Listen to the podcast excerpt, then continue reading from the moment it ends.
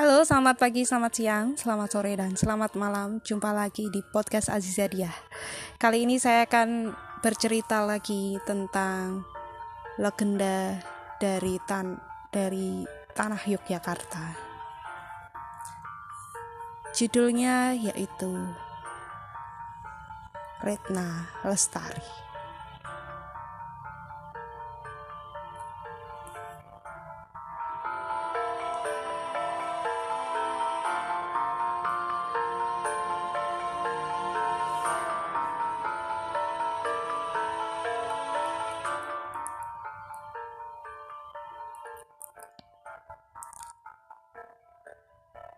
Menurut cerita, di hutan belantara hiduplah seorang raksasa bernama Kiai Bakuh.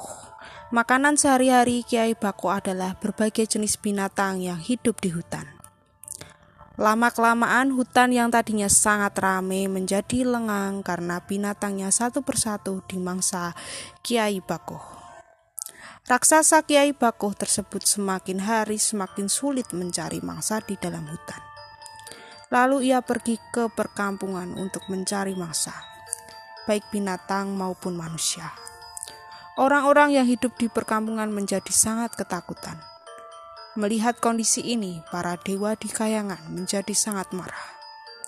Kemudian para dewa sepakat mengutus seorang bidadari cantik bernama Retna Lestari untuk diturunkan ke bumi.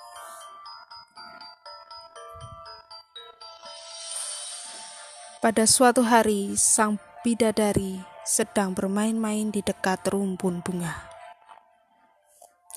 Pada saat yang sama, Kiai Bakoh sedang mencari mangsa. Ia berjalan di hadapan sang bidadari, sejenak terpaku dan menghentikan langkahnya. Kemudian ia mendekat dan bertanya pada sang bidadari. Sungguh cantik parasmu, siapakah gerangan dirimu? Tanya Kiai Bakoh. Aku Retna Lestari, jawab bidadari cantik itu. Alangkah indahnya namamu itu. Maukah kau menjadi istriku? Tanya raksasa. Tidak, aku tidak bisa percaya kamu tidak akan membunuhku. Bukankah kamu selalu melakukannya pada orang-orang di kampung itu? Percayalah, kamu aman bersamaku, karena kamu akan kujadikan istri. Bagaimana caranya? Apa saja yang kau minta akan kukabulkan.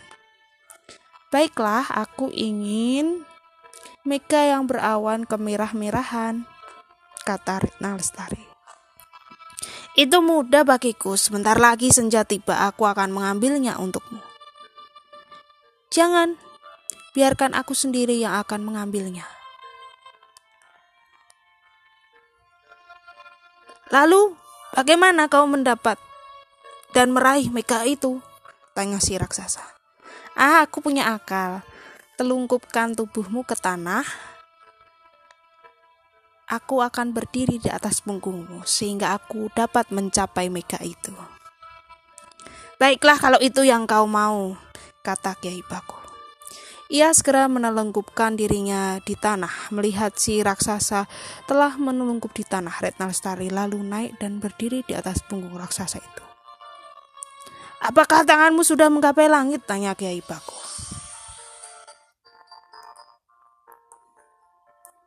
Belum sedikit lagi.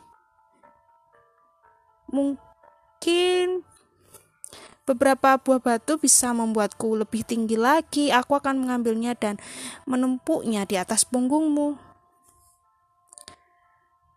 Retna Lestari turun dari atas punggung Gai Bako, lalu mengambil batu besar, kemudian diletakkannya di atas punggung raksasa itu. Berulang-ulang, Retna Lestari turun naik panggung raksasa mengambil batu-batu besar dan menumpuknya di atas punggung raksasa itu. Lama-kelamaan tumpukan batu di atas punggung raksasa makin bertambah tinggi dan besar, sampai tubuh raksasa itu tertimbun oleh batu-batu. Akhirnya Kiai Bakus sadar bahwa ia telah ditipu oleh Retna Lestari. Ia meronta dengan sekuat tenaga tetapi batu-batu yang tertumpuk terlalu banyak sehingga ia tak mampu mengenyahkannya. Konon tumpukan batu yang menimbun Kiai Baku itu akhirnya menjadi dua buah gunung.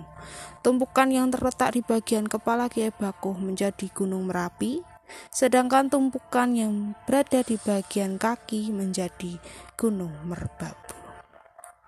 Nah, begitulah ceritanya dari bidadari Retna Lestari. Sampai jumpa lagi, kita ketemu di podcast selanjutnya.